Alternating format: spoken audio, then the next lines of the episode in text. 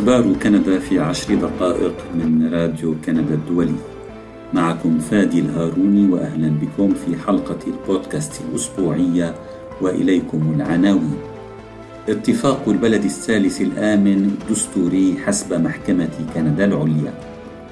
كندا ستنسق المساعدة الدولية لهايتي عن بعد.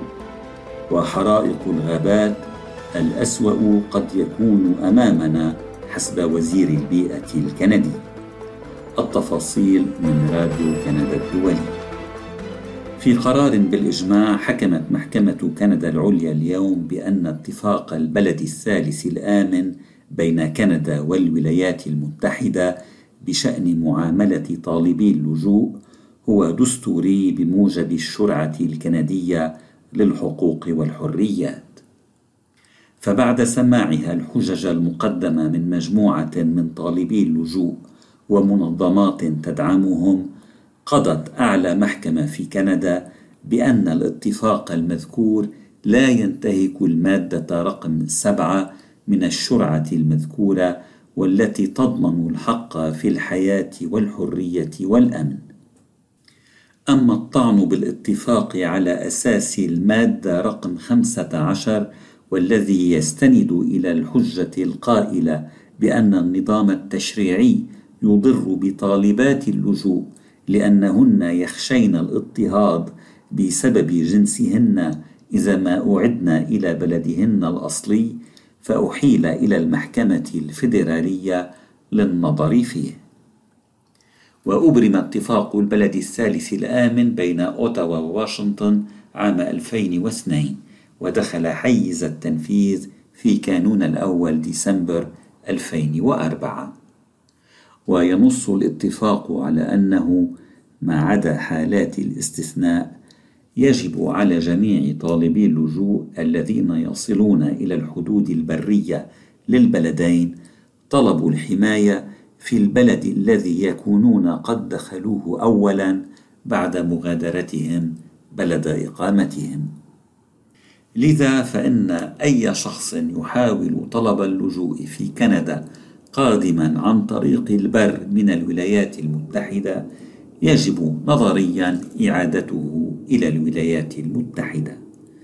لكن في بعض الحالات عندما كان هؤلاء الأشخاص يتقدمون إلى نقاط عبور غير نظامية مثل طريق روكسهام عند الحدود بين مقاطعة كيبيك وولاية نيويورك كانت السلطات الكندية توافق على استلام طلب اللجوء الذي يقدمونه.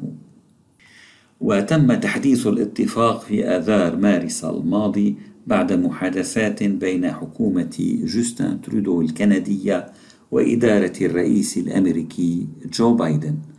ومنذ ذلك الحين يتم تطبيق الاتفاق بشكل موحد على كامل الحدود الكندية الأمريكية البالغ طولها ثمانية آلاف وتسعمائة كيلومتر.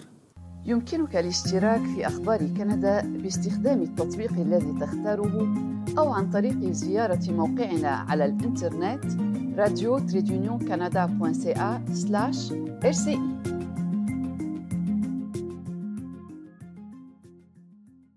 تولت كندا أخيرا قيادة عملية لتنسيق المساعدات الدولية في هايتي لكن دون أن تدخل أراضي هذه الدولة الكاريبية.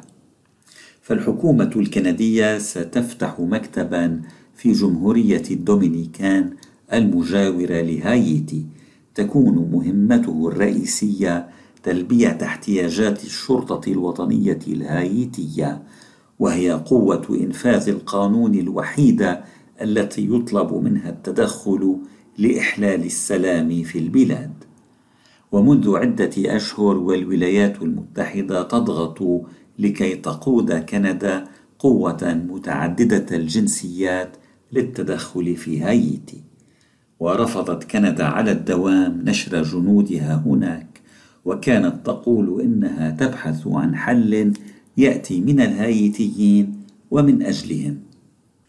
وزيرة الخارجية الكندية ميلاني جولي توصلت اذا إلى هذا الحل الوسط وبموجبه تستثمر كندا 20 مليون دولار لفتح مكتب في جمهورية الدومينيكان سيصبح المحاور بين المجتمع الدولي والسلطات الهايتية. وسينسق الفريق الكندي الجهود لتوفير المعدات والأموال والتدريب التي تحتاج إليها هايتي بشدة. وبدرجة أقل ستحتفظ كندا أيضا بفريق في العاصمة الهايتية بور أو برانس للعمل مع السلطات هناك. وقال مكتب الوزير جولي إن هذه المساعدة سيتم تقديمها طالما اقتضت الضرورة. سفير كندا الأسبق في هايتي أنري بول نورماندان علق بالقول إن هذا الحل قد يكون الأكثر فعالية على المدى القصير. إنها طريقة ملموسة وعملية لدعم هايتي. دعم الشرطة الوطنية الهايتية أعتقد أن هذا هو الشيء الأساسي الذي يجب القيام به في هذا الوقت. إنها القوة الوحيدة على الأرض التي لديها قدرة معينة على التدخل قال نورماندان قالت وزيرة المالية الفيدرالية كريستيا فريلاند إن كندا ستعلق كافة الأنشطة التي تقودها في البنك الآسيوي للاستثمار في البنى التحتية بعد أن قدم مسؤول كندي استقالته منه. وكان بوب بيكارد قد أعلن الأربعاء أنه استقال من منصب رئيس الاتصالات العالمية في البنك لأن هذه المؤسسة مهيمن عليها من قبل أعضاء في الحزب الشيوعي الصيني. وقالت فريلاند للصحفيين في اليوم نفسه إن حكومة كندا ستنهي بشكل فوري كافة الأنشطة التي تديرها في البنك الآسيوي وإنها طلبت من وزارة المالية إجراء مراجعة فورية بشأن الادعاءات التي أثيرت وبشأن انخراط كندا في البنك. وأكدت وزيرة المالية أن المراجعة ستجري بسرعة وأشارت إلى أنها لا تستبعد أي نتيجة في نهايتها. من جهته أصدر البنك الآسيوي بيانا وصف فيه ادعاءات بوب بيكارد بأنها خاطئة بشكل قاطع. نحن بنك تنمية متعدد الأطراف ومستقل يقوده مجلس محافظين ومجلس إدارتنا وليس لأي دولة أو حزب سياسي رأي يدلي به بشأن الإدارة الاستراتيجية أو التشغيلية للبنك أضاف البنك في بيانه.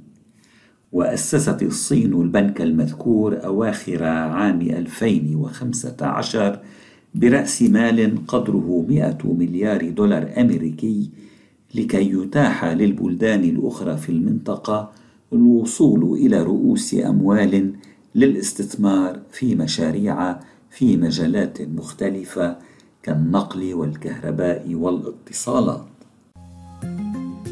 أنت تستمع إلى أخبار كندا في عشر دقائق البودكاست الأسبوعي من راديو كندا الدولي.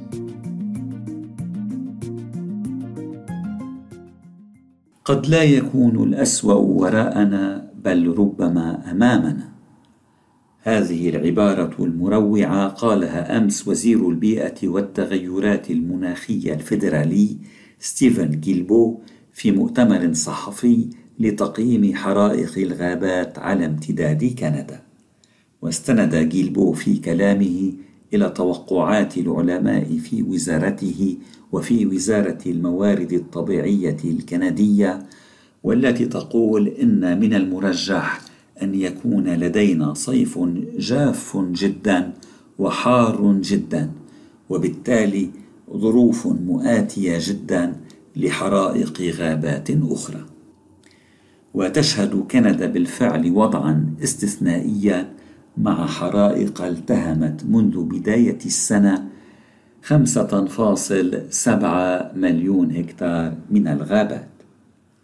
وفي منتصف حزيران يونيو تزيد هذه المساحة عن ضعفي معدل المساحة السنوية من الغابات المحترقة على امتداد عقد الزمن الأخير والبالغ 2.7 مليون هكتار. حلقة البودكاست لهذا الأسبوع انتهت. شكرا لإصغائكم.